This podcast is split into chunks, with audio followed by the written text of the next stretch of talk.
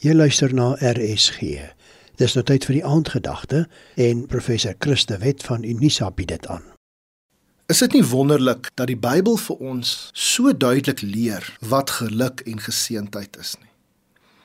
Wanneer Jesus die mense op die berg leer in Matteus 5, daar begin hy daardie lering met die sogenaamde saligsprekinge. Verse wat elke keer begin geseend, geseend, geseend. Ek wil een van hierdie verse vanaand vir jou lees en vra om saam met my bietjie te dink oor hom. Dit is Matteus 5 vers 10. Geseend is die wat vervolg word omdat hulle doen wat reg is, want aan hulle behoort die koninkryk van die hemel. Nou wanneer ons hierdie vers lees, dis die tweede laaste van die saligsprekinge, maar eintlik vorm dit 'n geheel en 'n tipe van 'n omarmde rym met die eerste een in Matteus 5 vers 3. Want daar lees ons ook van mense wat die koninkryk van die hemel sal erf. In Matteus 5 vers 3 lees ons geseend is die wat weet hoe afhanklik hulle van God is, want aan hulle behoort die koninkryk van die hemel.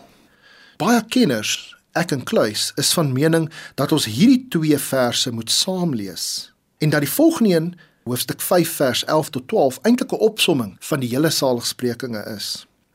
Ons moet hierdie vers lees saam met 5 vers 3, die afhanklik is. Want aan hulle behoort die koninkryk van God ook. Hoekom moet jy gelukkig wees as jy vervolg word?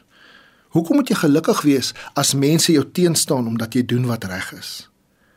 Want jy is afhanklik van God en jy weet jou plek is nie in hierdie wêreldse koninkryk nie, maar by God. Dit maak nie saak wat hier in hierdie wêreld en in hierdie lewe met jou gebeur nie. God verwag van jou om te strewe vir dit wat reg is, vir geregtigheid.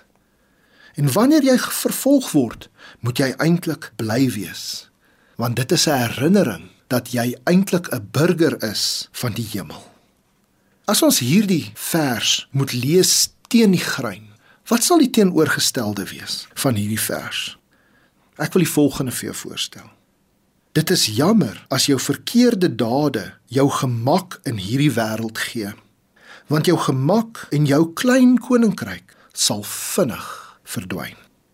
Is dit nie so waar dat wanneer ons sleg doen, sit dit ons in 'n gemaklike posisie? Ons sien dit elke dag op die nuus. Mense wat geld steel, korrupsie, hoe hulle die lekker lewe geniet. Jesus herinner ons hier. Daai koninkryk van hulle sal vinnig verdwyn maar God se koninkryk is ewig. Kom ons bid saam. Here, ons gaan vervolg word wanneer ons doen wat U van ons verwag. Dit is so. Maar Here, help ons om te onthou elke dag dat ons burgers van 'n hemelse koninkryk is. Ons is net reisigers in hierdie wêreld. Ons is passers-by na ons hemelse koninkryk. Amen.